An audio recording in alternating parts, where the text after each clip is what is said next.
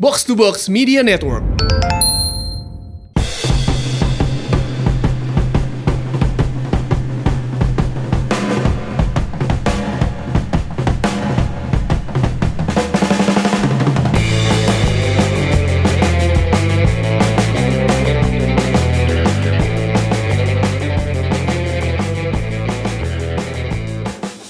Assalamualaikum warahmatullahi wabarakatuh. Waalaikumsalam warahmatullahi wabarakatuh. Berjumpa lagi di podcast Umpan Tarik episode ke-100 sekian ya. Karena udah saking banyaknya episode kita jadi pusing episode berapa ini. Udah Hari ini banyak ya, Dwi. banyak banget pokoknya. Hari ini kita lagi-lagi kedatangan seorang bintang tamu nih, bintang tamu internasional ya Bib ya. Legend di ASEAN. Legend, legend di ASEAN nih. Parah legend nih, juga lah legend. pokoknya. Pokoknya legend di ASEAN punya tempat di hati pendukung eh, atau supporter-supporter Indonesia ini, Bib. Oh, masih Walaupun lagi ya. dia walaupun dia dari luar Indonesia ya, Dwi ya. Iya, masih punya fans di Indonesia. Jadi sebelum kita kenalkan siapa bintang tamu kita hari ini, gue pengen nyapa dulu rekan-rekan umpan tarik yang udah join di eh, umpan tarik podcast kali ini. Labib apa kabar Labib? Baik, selalu baik dengan jersey Malaysianya pagi ini Jesse Malaysia. yang beli di Bukit Bintang Nike. Oke, Mas Arista, apa kabar Mas Arista? Baik, Wat. Baik, oke. Eh, sebelumnya saya kenalkan diri saya, Coach. Saya Fadli, Coach. Salah satu ini juga, podcaster juga, umpan tarik. Oke, selamat Jadi hari pagi. ini teman-teman semua kita kedatangan bintang tamu seorang pelatih legendaris asal Malaysia ini pernah juara SEA Games pernah juara AFF Cup pokoknya Coach Raja Gopal Ya, terima kasih. apa kabar jemput- Coach Kabar baik. Terima kasih untuk jemput saya pada siap pagi ini. kita nih sebuah kebanggaan bisa menghadirkan Coach Raja Gopal di podcast kita kita tahu mungkin Coach sibuk pasti banyak yang harus dikerjakan ke sana ke sini tapi masih meluangkan waktu untuk bisa join bersama kita terima Oh. kasih banyak banyak Coach Oh, oke. Terima kasih. Jadi eh, selama pandemi COVID-19 ini kegiatan di Malaysia apa aja, Coach? Ya, eh, pada masa pandemik, eh, tiba-tiba mak saya, ibu saya uh, telah menjalani satu operasi dan uh, selepas operasi itu dia nak duduk di rumah saya. Mhm. So dia tinggal dengan saya bersama tiga bulan. So pada masa itu adalah lockdown Mhm. dan semua keluarga saya, anak saya semua bersama dengan saya di rumah. So kita meluangkan masa macam itulah. Hari-hari jumpa ibu cerita dekat dia, bagi inspirasi, bagi motivasi kepada dia. Sambil itu ber, uh, bergurau-gurau uh, dengan keluarga. Uh, macam you tahu lah ada ada meeting lah dan selepas itu saya buat siniman di rumah depan rumah Mhm. uh, nak jaga juga um, uh, mental and uh, physical. uh, itulah cara saya dan uh, menonton TV uh, dan uh, itulah cara uh, Mhm. saya habiskan masa apabila perlu saya keluar untuk beli barang-barang tapi adalah uh, MCO kita kena ikutlah SOP ke uh, kesihatan yang paling amat penting lah. Oke, Coach. Eh, Untuk untuk saat ini Eh, COVID di Malaysia seperti apa, Coach? Ah, Udah mulai menurun atau gimana? Uh, sekarang uh, kerajaan kita memanglah kita kena puji uh, kawal dengan baik. Ada ada ada kurang dan uh, walaupun kurang uh, tiap-tiap kali dia memberi tumpuan bahawa jangan walaupun dah bagi peluang untuk bergerak uh, kita kena ikutlah syarat-syarat uh, kerajaan yang apa patut kita buat bukan saja kita, kita kalau kalau semua ikut disiplin uh, mungkinlah uh, kita akan kurangkan uh, apa-apa kenaikan COVID. Oke, Coach.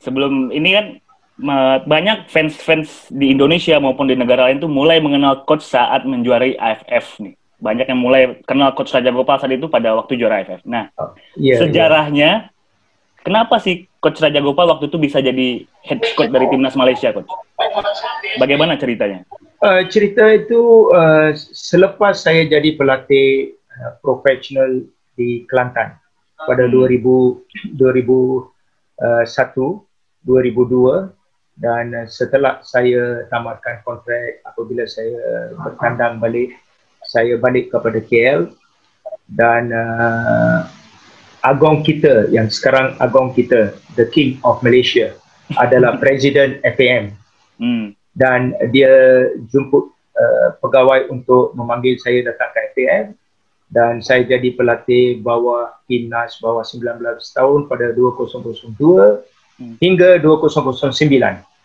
Selepas itu ada jawatan yang kosong untuk timnas senior Malaysia dan saya dilatih untuk jadi timnas uh, Malaysia senior team 2009 uh, hingga 2013. Itulah apa cara saya datang kepada FAM Persatuan Bola Sepak Malaysia menjadi pelatih pada timnas Malaysia 2009 saya dilatih jadi uh, pelatih uh, uh, uh, pelatih untuk bawah 23 tahun dan senior team.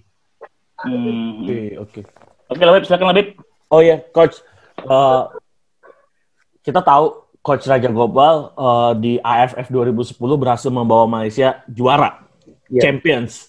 Eh, bahkan eh, coach Raja Gopal saya eh, di awal match di Stadion Utama Gelora Bung Karno sempat kalah ya 5-1 Ya. dengan Indonesia, tapi di akhir bisa membalikan keadaan. Coach, momen saat Piala AFF 2010 coach bisa diceritakan sedikit coach dan bagaimana perasaannya naik kendaraan barakuda pada saat itu kendaraan Oh.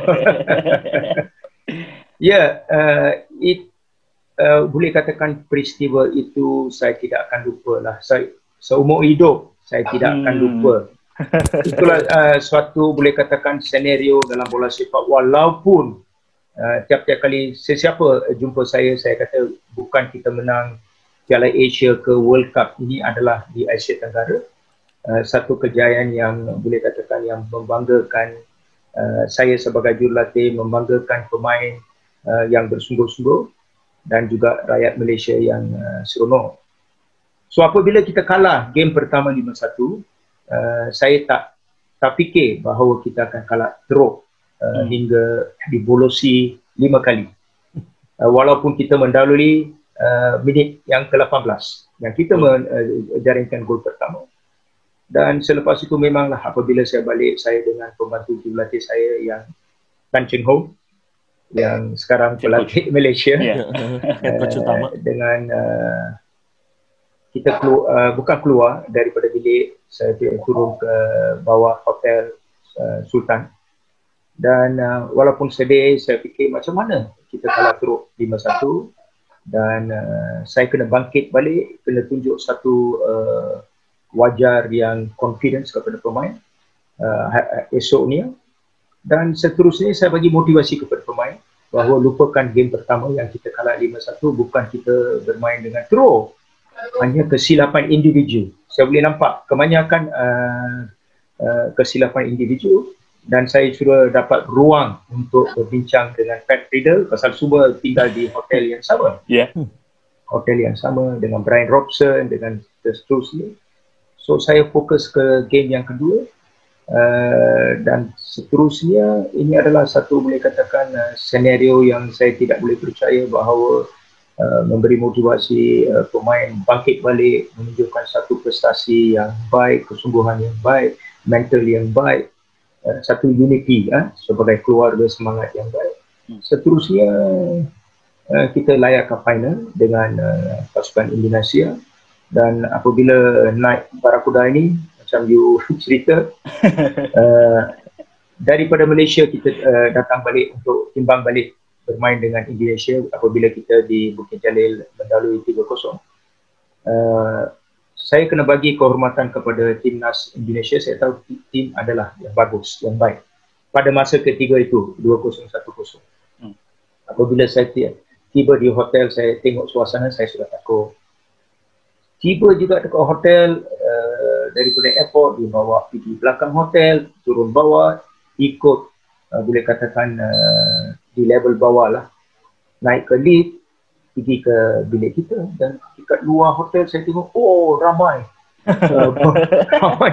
Dekat luar hotel ada dekat 500 ke 600 macam-macam ada ada boleh katakan uh, menunjukkan uh, coach punya gambar uh, macam-macam lah uh, dia semua. So saya tak Ya, ada ya. niat, uh, niat yang lain. Hanya ini adalah peminat yang setia kepada timnas Indonesia. Hmm.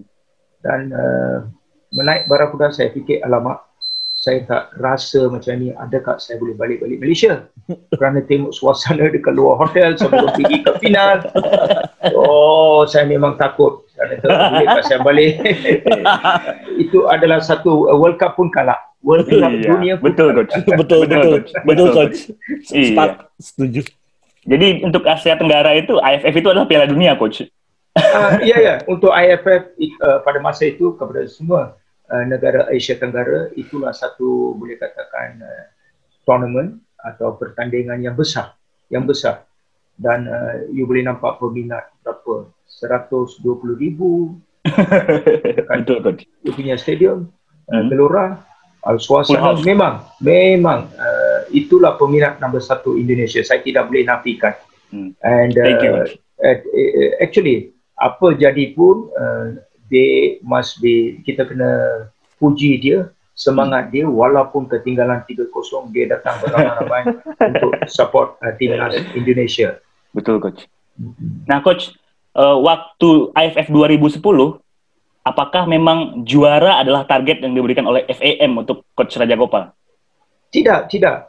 Uh, itulah uh, saya buat satu boleh katakan uh, paperwork uh, perancangan saya ada masa pendek, ada masa jangka panjang. So saya fikir pasukan uh, pada masa itu adalah yang muda. Hmm, Syafiq betul. Rahim, Aidil, uh, kita panggil dia Khairul Fahmi Cik Mat, uh, penjaga gol, dua pertahanan saya Muslim, Fadli Shah, semua muda. So saya buat uh, boleh katakan uh, target saya adalah 2010 untuk dapat pengalaman. 2012 kita kena layak kepada peringkat suku akhir, Hmm. separuh akhir, separuh akhir. 2014 patut kita jadi juara. Tetapi ini semua jadi pula kita jadi juara. Iya. So, saya tak memang dengan ikhlas saya tak cangka. Tetapi apabila kita lihat peringkat demi peringkat, apabila kita masuk ke fasa yang kedua semifinal, nampak pemain berbeza. Dia menunjukkan satu semangat, satu unity dan saya boleh nampak keyakinan uh, mereka ini nak pergi lagi jauh, nak tumbuh tumbuh, uh, tumbuh balik uh, uh, timnas Indonesia dalam final kerana kekalahan 5-1 dan nak me- menunjukkan sesuatu lah bukan nak gaduh tak ada. Tapi Hmm. menunjukkan bahawa pemain ini boleh bermain. Walaupun Indonesia uh, uh, di final saya memang memberi perhatian kepada Indonesia pasal Indonesia ada pada masa itu adalah pasukan yang yang bagus pasal kita tengok perlawanan dalam dalam preliminary round dia bermain dengan baik. Dengan Indonesia I mean dengan dia dengan Thailand dengan Laos uh, dia bermain dengan baik dengan Malaysia dia bermain dengan baik itulah peluang terbaik untuk Indonesia jadi juara Hmm. Oke coach, waktu penggantian eh, Ramli ke Khairul Fahmi Cemat itu memang masalah eh, performa Ramli tidak bagus atau memang ada masalah lain coach? tak ada tak ada uh, uh, game pertama saya gunakan Syabini Iya. game Oh, pertama iya. saya saya gunakan uh, penjaga gol Syabini Ketika kalah 5-1 ya, Coach? Ah, 5-1 yang kita kalah. Uh, bukan dia tak bagus, pasal sebelum itu dia bermain konsisten dalam Sukan C. Dialah uh, penjaga nombor satu di Hmm. Sukan C yang kita menang. Di 2009. selepas itu saya bawa dia pergi Asian Cup dan uh, pada masa itu sebagai jurulatih saya kena buat keputusan kerana keyakinan mungkin uh, confidence dia selepas 5-1 ada tak confidence dia so saya kata okey inilah bukan ada target saya berani meletakkan Khairul Fahmi Ceman uh, bahawa saya fikir uh, walaupun kita melawan dengan Thailand yang terbaik favorite untuk masuk ke final dan daripada situ nampak uh, Khairul uh, Fahmi bermain dengan baik menunjukkan satu confidence dan memberi confidence kepada pemain yang lain seterusnya saya letak dia uh, jadi penjaga gol dan uh, dia nampak uh, pada masa itu dia jadi famous lah. Iya jadi terkenal dia. terkenal lah Sangat Save terkenal. penalti waktu final. Waktu Ah, final waktu save final. penalti. Uh, Tina uh, Uh, Ultima Fir- eh Firman Utina Firman gagal. Utina. Ultima ya. Oke Labib silakan Labib. Oh iya, Coach, eh, pengen tanya nih.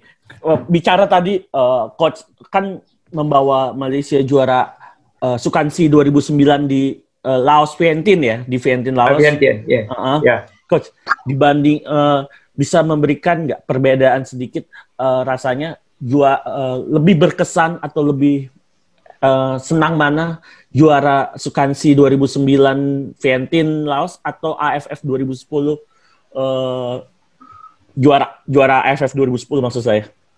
Ya, uh, ini dua pertandingan yang berbeza. Walaupun di uh, di Sukansi itu uh, adalah lama juga 20 tahun. 20 Hmm. tahun kita tak jadi juara. So itu memberi pada masa itu itu memberi kita satu boleh katakan kegembiraan, satu bernafas baru dalam era bola sepak dekat Malaysia. Sekian lama kita tak menang apa pun dan pada masa itu pun semua pasukan adalah terbaik. Semua pasukan adalah terbaik. Thailand adalah favourite, Vietnam adalah favourite kerana Vietnam pun di bawah bimbingan jurulatih Carlos. Eh apa bukan Ya. Carlos. Uh, siapa tu? Saya pun uh, uh, Vietnam yang j- jadi juara IFF 2018. Hmm. Uh, so kita jadi juara. Kita bertemu dengan Vietnam. Sama juga mungkin ada cerita sikit. Tetapi saya fikir IFF ini adalah uh, boleh katakan seluruh uh, peminat uh, daripada Asia Tenggara uh, minat dengan IFF. So untuk saya IFF lah yang uh, mungkin tukar senario bola sepak di Malaysia. Uh, memberi uh, satu landasan kepada seluruh Asia Tenggara uh, tentang pasukan Malaysia Uh, dan uh, juga uh, daripada situ kita pula dapat uh, nama sikit daripada pemain lah bukan saya pemain jaga saya tak boleh lupa pe- pemain uh, jurulatih pengurusan semua yang bertolong uh, kita ikhlas pelatih uh, goalkeeper fisio lah semualah kitman semua so saya fikir AFF uh, adalah uh, memberi satu uh, tanda uh, satu boleh katakan uh, platform yang amat besar daripada Sukan C. Oke. Silakan Mas Arista. Ya ngomongin FF 2010 itu, Eh, di Indonesia sangat santer terdengar bahwa eh, laga final di Malaysia itu ada, maksudnya ada keterlibatan mafia judi di situ. Eh, menurut coach apa yang, apakah itu juga terdengar di Malaysia dan bagaimana tanggapan coach? Tidak, tidak.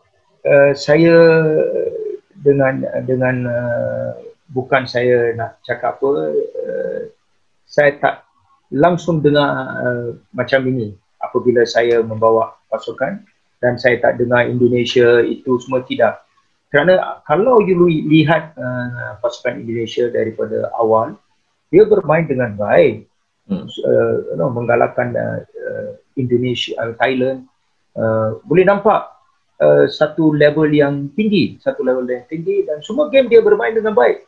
Preliminary rounds dekat Indonesia, semi final dia menang dan takkan dia nak jumpa Malaysia dia nak kalah. Dia pun lama uh, tak menang IFF.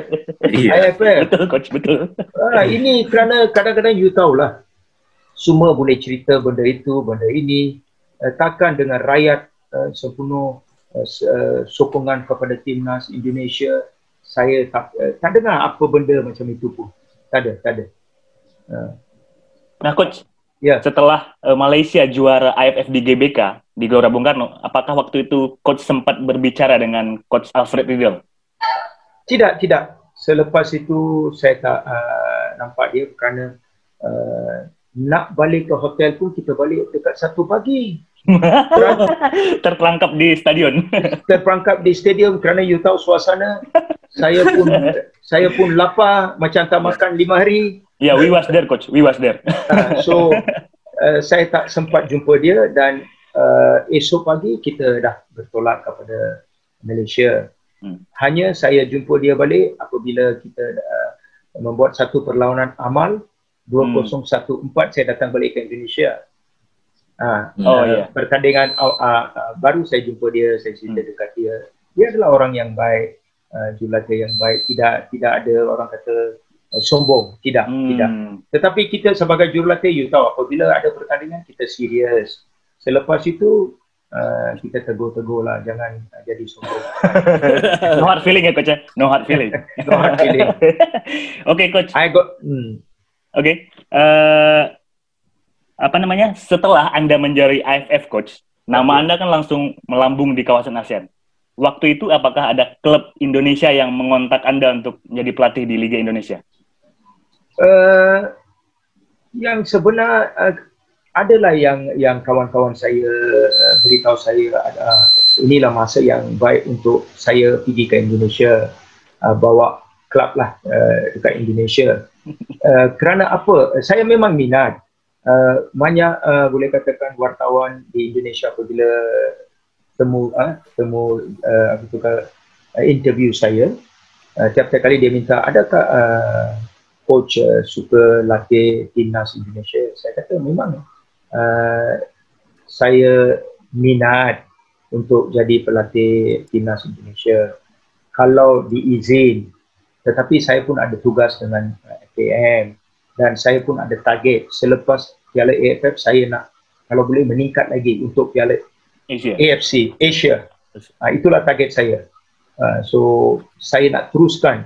Apa jadi pemain saya akan fikir? Eh tiba-tiba kita jadi juara AFF dia lepaskan kita yang saya bagi motivasi keyakinan tunjuk ajak kepada pemain. Masih lagi belum habis perjalanan kita. So saya nak ini selepas itu saya fikir uh, mungkin kalau ada peluang saya uh, nak jadi jurulatih juga di, di Indonesia, Indonesia.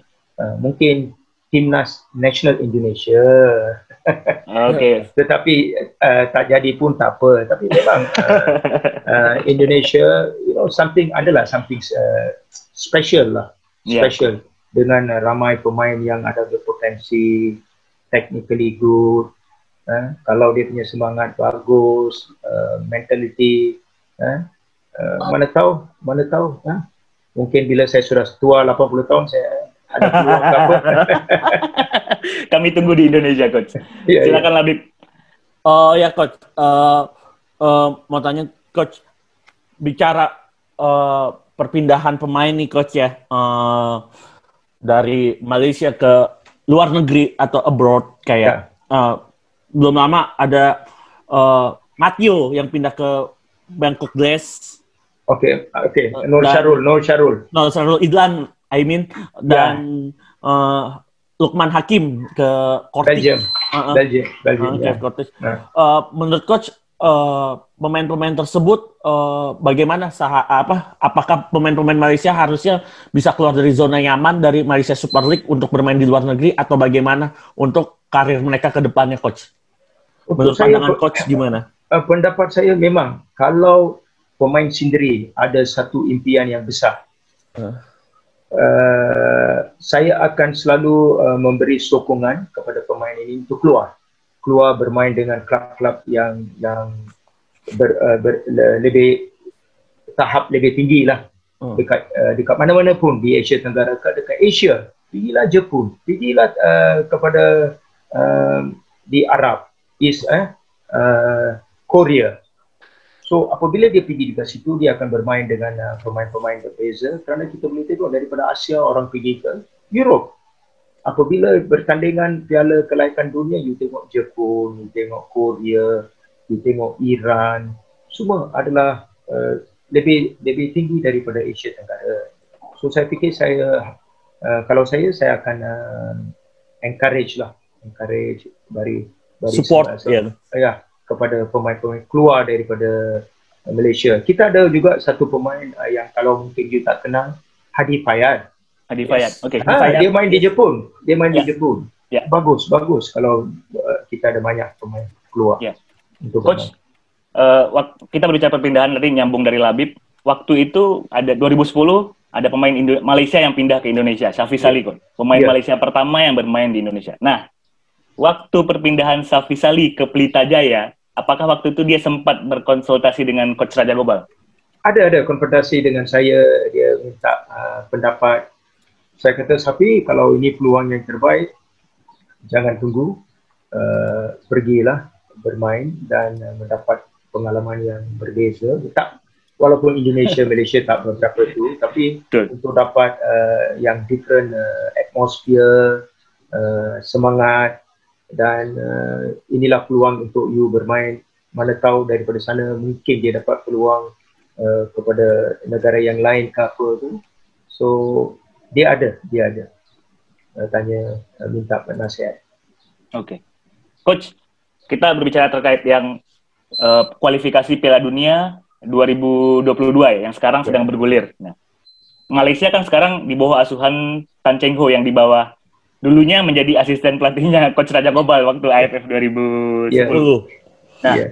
Coach Raja Gobal sekarang sebagai seorang pengamat sepak bola gimana sih melihat, melihat uh, peluang Malaysia di kualifikasi Piala Dunia sekarang, Coach? Apalagi kemarin sempat dua kali mengalahkan Indonesia, Coach. Kalau Anda hanya bisa mengalahkan sekali, Tan Cheng Ho dua kali. ya, uh, itu adalah satu peningkatan, boleh katakan peningkatan uh, apa yang Coach Tan Cheng Ho buat kerana era saya adalah berbeza. Sekarang uh, dia cuba membawa kepada satu boleh katakan uh, level ke boundary yang yang lebih lebih baik. Uh, nampak bagus, nampaklah bagus uh, dan peluang juga nampak cerah. Uh, kalau tak saya, saya tak silap uh, kedudukan uh, Malaysia adalah dalam uh, nombor dua.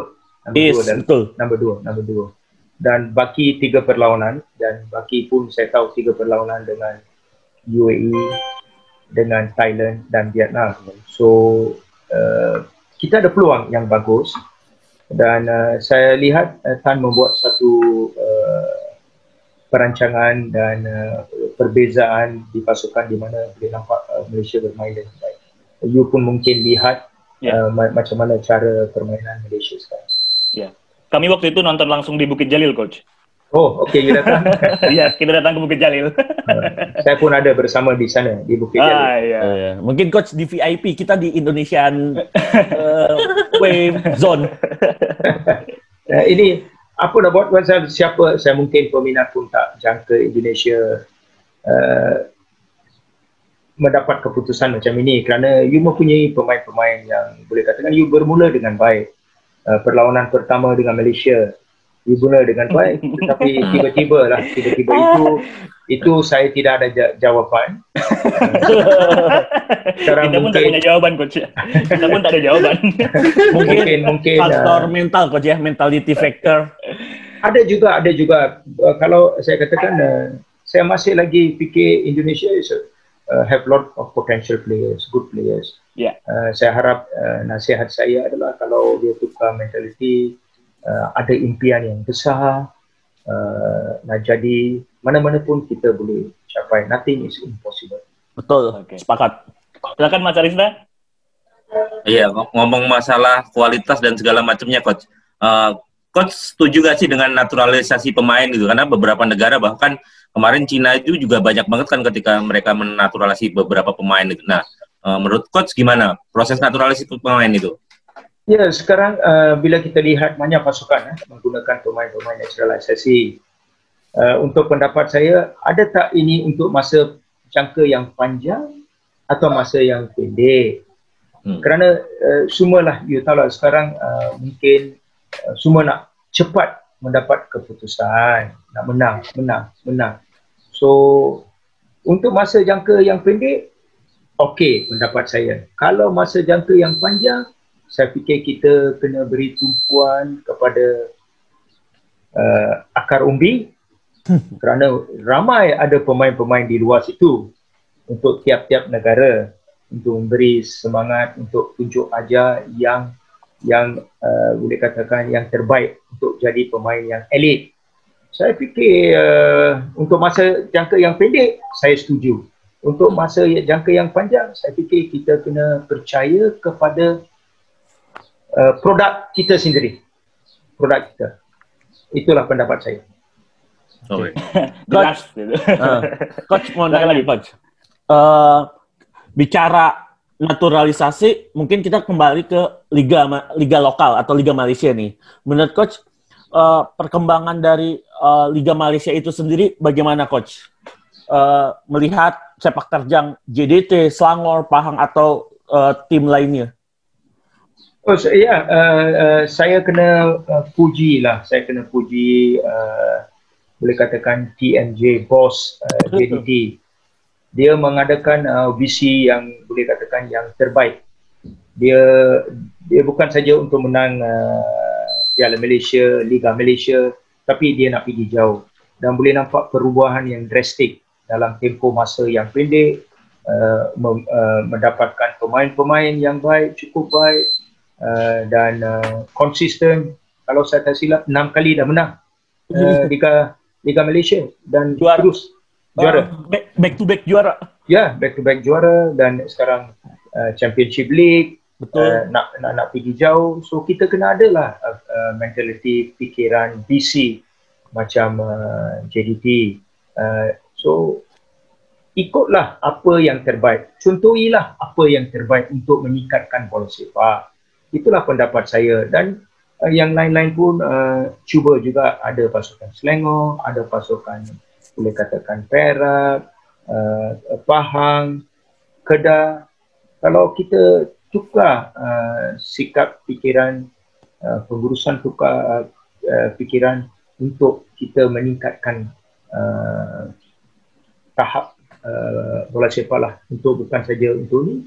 So semua akan contohi uh, daripada mana kita boleh ikut kalau Liga uh, Vietnam, Liga Indonesia, Liga ini macam mana apa yang memberi satu impak untuk dia berbeza dengan Liga ini So kita belajarlah. Kita kena buat pertukaran. Kalau tidak, uh, kita akan ketinggalan. Okay. Coach, uh, tadi bicara soal Liga Malaysia, klub favorit coach di Liga Malaysia apa coach? Favorite, saya memang dulu favorite pasukan saya sendiri PKNS. Ah, saya pikir gergasi merah, coach. ya ya, tak ada. PKNS saya saya adalah pemain dulu pel, uh, pemain daripada. Selangor. Hmm. Se- Selangor mempunyai sejarah. I mean, yalah. Time itu Moktadari, Arnudor, Kocinan. Itulah masa saya. So, memang uh, saya daripada Selangor. Tetapi kita tahulah daripada Selangor, kita nak memanglah uh, support uh, negeri kita sendiri. Uh, kalau uh, pasukan itu kita nak uh, support untuk berjaya dan uh, itulah lokal ialah saya PKNS pun Selangor juga PKNS sekarang uh, kita kena support lah sesiapa Yeah. yang bermain dengan baik Selangor okey kalau dia main dengan baik kita nak harap dia berjaya tapi uh, ialah yang sekarang yang pasukan orang semua cerita adalah JDT saya harap saya harap dia akan kekal orang akan contohi lah macam mana dia punya prestasi boleh konsisten Iya. Kalau saya sih jagoan saya sih favorit di Liga Super Malaysia Selangor coach. Karena Selangor ya, pemain Indonesia pasti banyak berprestasi di Selangor kayak Ya, macam Bambang. Eli, Andi, Jadi, ya Evan Dimas.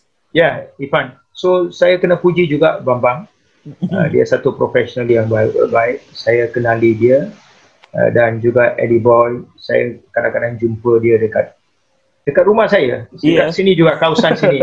Kelana Jaya uh, dulu. Uh, dan dia bermain untuk Selangor. Uh, yalah Selangor lah dulu. Selangor you tahu lah nama yang besar tapi Ya. kita tak boleh uh, fikir tinggalkan dengan situ kalau kita tak usaha. Kita kena usaha untuk kekalkan identiti kita inilah klub inilah klub yang terbaik di ini ini ini ini so tak ada kita tak boleh uh, uh, cerita pasal sejarah selalu Oke coach. okey Eh, ini coach, selama coach Raja Gopal menangani timnas Malaysia, lawan yang paling sulit dihadapi siapa coach? Oh selalu saya memanglah bila main selalu you tahulah. Mak you tanya mana-mana jurulatih pun dia kata ah, Thailand, Thailand, Thailand. Thailand. Uh, selalu because you you tengok dia punya rekod, you tengok permainan dia, semua jurulatih wah Thailand kita kena main dengan Thailand, Thailand. So sekarang nampaklah Vietnam sudah datang dekat. Hmm. Iya. Vietnam sudah mari situ, Vietnam pun. Inilah pasukan-pasukan. Dan selalu tradisi local rivalry, you tahulah Malaysia Indonesia. Derby serumpun coach. Ah, Derby Nusantara. badminton sama, bola sepak sama. Tapi itulah uh, senario. Saya takkan lupa. Uh, yes, Indonesia is something special. Oke coach. Thank you. Silakan Ikutin, Rinta. beri- ngikutin perkembangan sepak bola Indonesia nggak sih coach? Itulah saya pun uh, uh, kerana you tahu lah sekarang uh, dia punya pandemik dengan itu dulu selalu orang cerita you tahu lah klub-klub walaupun kita ada pelatih daripada Malaysia yang pergi ke Indonesia uh, uh, Ivan uh, uh, Raja Raja Isa. Raja Isa. Raja Isa. Irfan Hakim. Uh, Robert Alberts pun ada dekat situ Iya. Bojan pun baru-baru datang dekat Oh. sini ke Indonesia PSM Ah. Makassar. hanya coach Raja Gopal juga belum lagi Sebentar lagi coach, sebentar lagi. belum coach. lagi ha, kita kita kita tiga buat satu mesyuarat selepas itu saya akan buat keputusan lah Oke coach. Baik coach. Iya coach. okey Silakan Labib mungkin. Oh ya coach. Em, eh, menurut coach nih coach, selama coach eh, sebagai pelatih timnas Malaysia, sebagai pengamat sepak bola di kawasan ASEAN juga, eh, melihat pemain Indonesia menurut coach yang paling berbahaya atau pemain Indonesia yang paling bagus menurut coach siapa coach? You memanglah you tahulah Bambang ha, daripada dulu era era era sebelum Bambang itu Pamungkas. you tahulah ya- yang ada lain era itu mungkin 90 kan lap- ah, 90-an 90. ah, Bambang Bambang. tiap-tiap pasukan ah, Bimbang Bambang pasal Bambang mempunyai satu ya, satu attribute yang baik satu uh, boleh katakan uh, ikon untuk bola sepak Indonesia Hmm. Uh, kelebihan dia pasal itu. Apabila dia datang ke Malaysia pun kita tengok peminat-peminat Indonesia yang datang untuk support dia. Ya. uh, memanglah uh, pada masa itu ya walaupun dalam IFF Bambang disimpan di bangku apabila dia masuk pun kita tahulah mungkin dia boleh buat sesuatu kerana you tengok apabila lawan dengan Indonesia dia datang dia skor penalti. Walaupun itu penalti itulah keyakinan confidence untuk dia pergi ke situ. Uh, I think Bambang was uh, a good example yang daripada Indonesia walaupun yang baru-baru sekarang Ivan ha? You know, Bahdim. is, is got Bahdim. Ah. Uh, tak ada ya, yang midfield Dimas Evan Dimas. Evan Evan Dimas. Dimas. Evan Dimas. is a young player yang sebelum itu saya pun minat nak bawa dia ke PKNS Oh.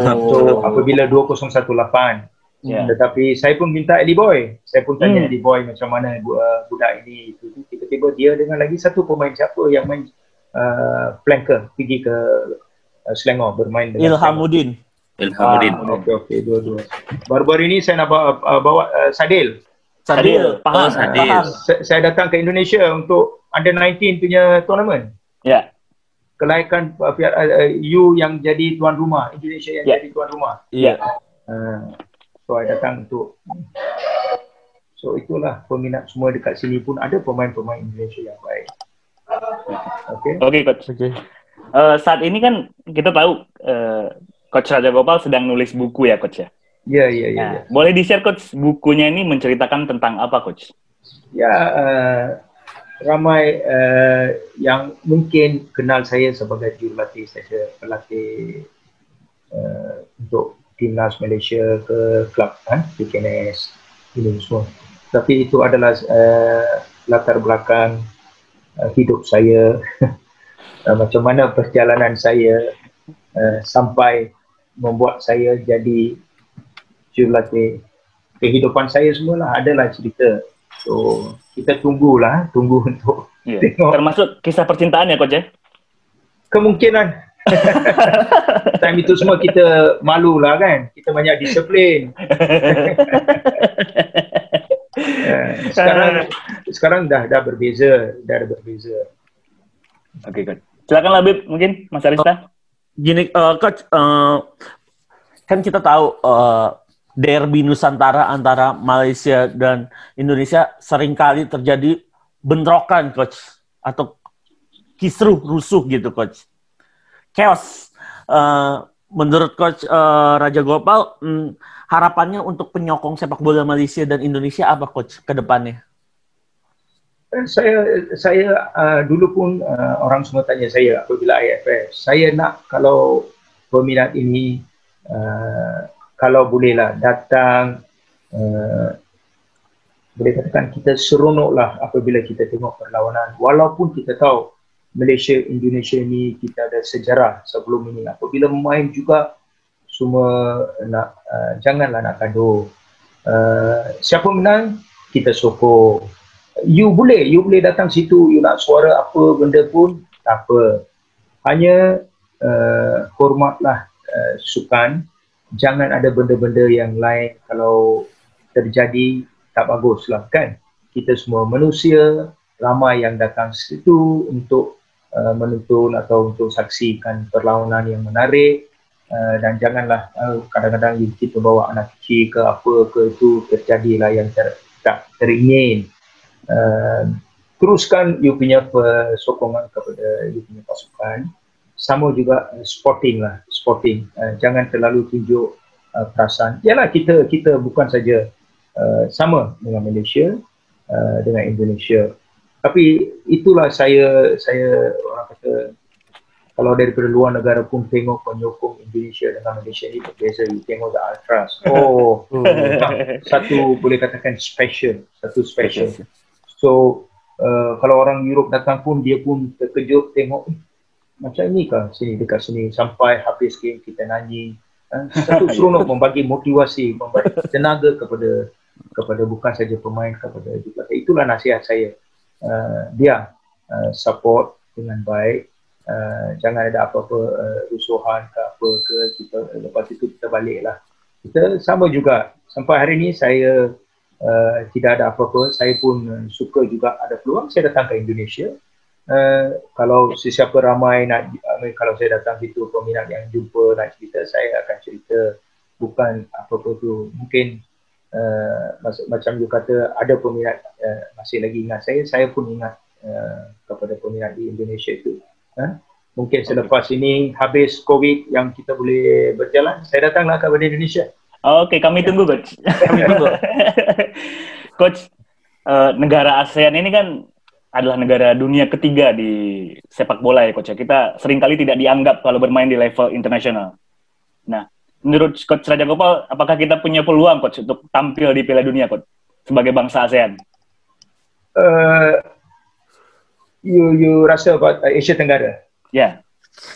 Apakah kita uh, punya peluang tampil di Piala Dunia Coach? Negara-negara Asia Tenggara. Oh, okay. Peluang oh, Asia Tenggara, you tahu lah. Uh, kalau dalam dalam kumpulan Malaysia, Thailand, Indonesia, tersilap lah mungkin dekat situ dalam satu kumpulan. Uh, kita harap lah, kita harap pun pasal kita daripada Asia Tenggara, uh, dinampak Malaysia uh, kedudukan yang kedua. Vietnam. So saya harap daripada Asia Tenggara ini adalah pasukan yang berlayar untuk untuk pergi ke uh, fasa yang seterusnya dan uh, bila uh, bawa 19 tahun Vietnam dah layak kalau saya tak silap untuk Piala Dunia. Betul coach. Ah uh, untuk Piala Dunia. Saya pun pada masa itu ada impian yang besar yang saya bawa timnas Malaysia bawa 19 tahun apabila kita jadi uh, tuan rumah dekat sini. Kita uh, quarter final peringkat suku akhir dengan uh, China. Kalau kita menang, kita dah layak kepada Piala Dunia bawa 20 tahun di Holland. Di uh, uh, di Holland untuk 2016.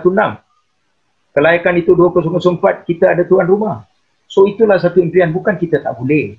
Kita kena tanamkan impian kita bukan serta merta kita kena ada satu tahap. Kita kena layak dulu Asia dulu.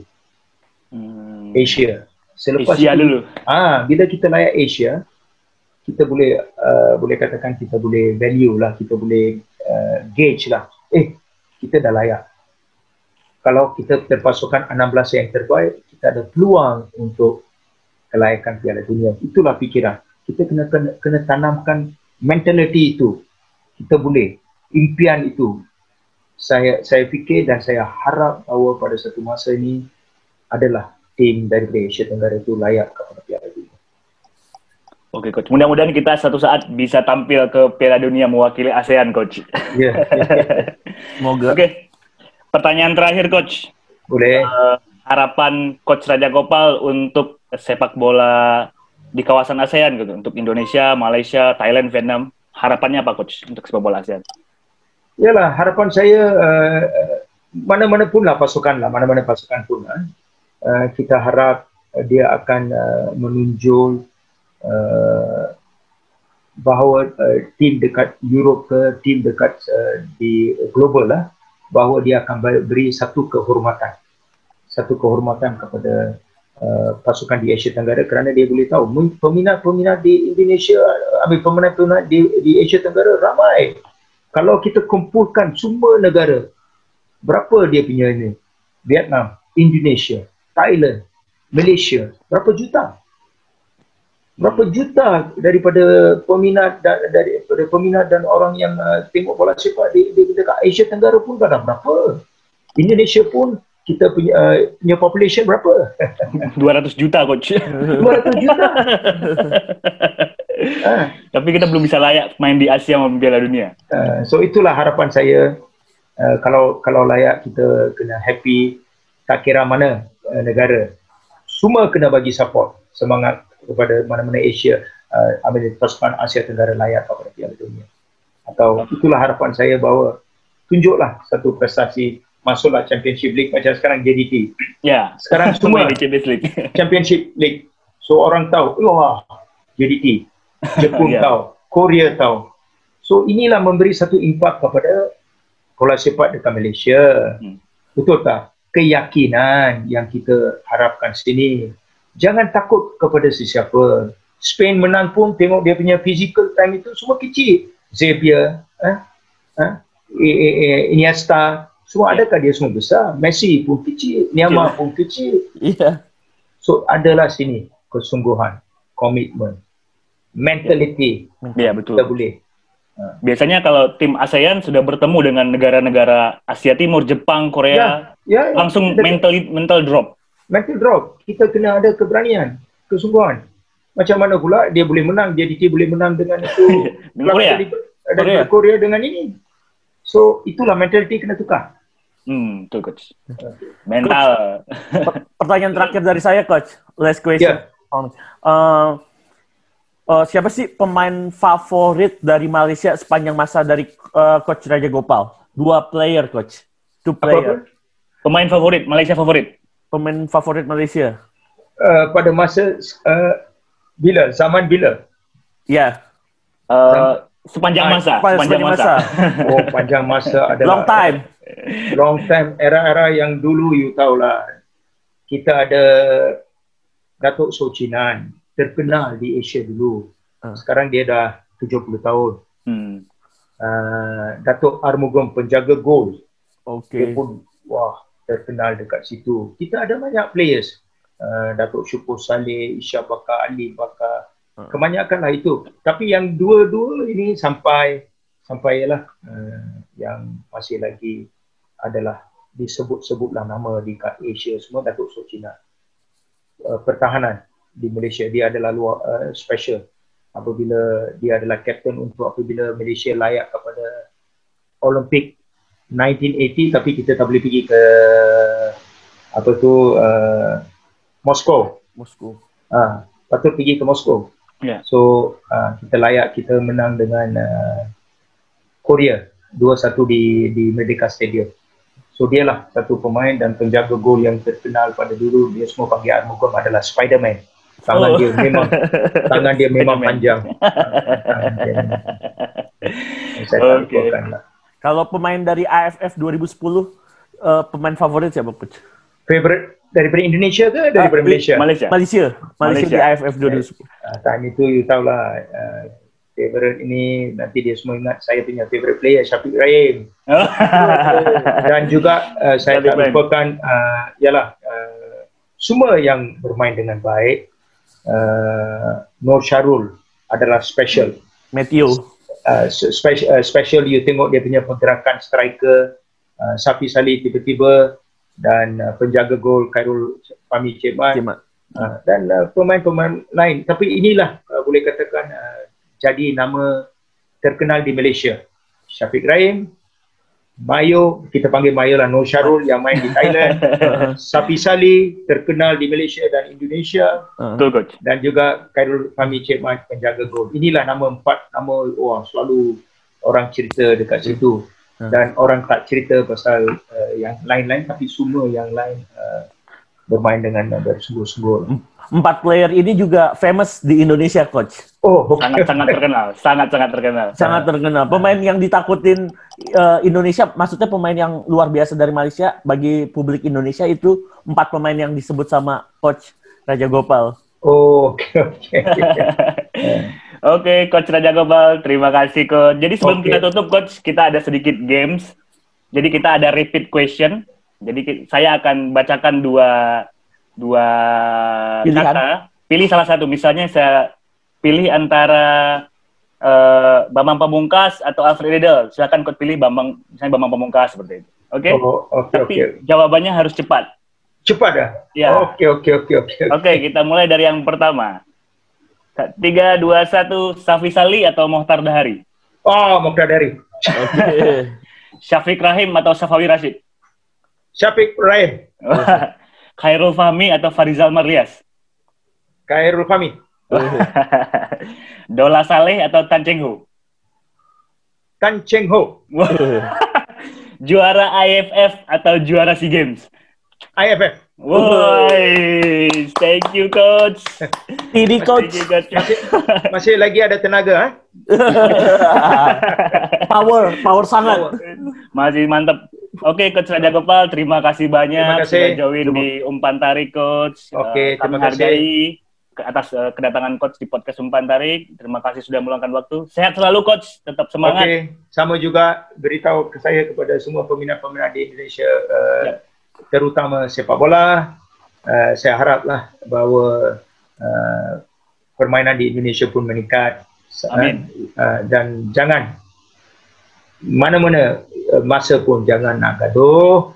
Marilah support dua-dua tim apabila kita seronok. Ini memberi satu keseronokan apabila Malaysia dengan Indonesia bermain. Siap. Oke. Siap coach. Oke, Coach Raja Gopal, terima kasih atas kedatangannya. Sampai jumpa di lain kesempatan. Kami tunggu melatih di klub Indonesia, Coach. Bye. oke, bye, bye, bye, Coach. bye, bye, Thank you. bye. Thank you, thank you.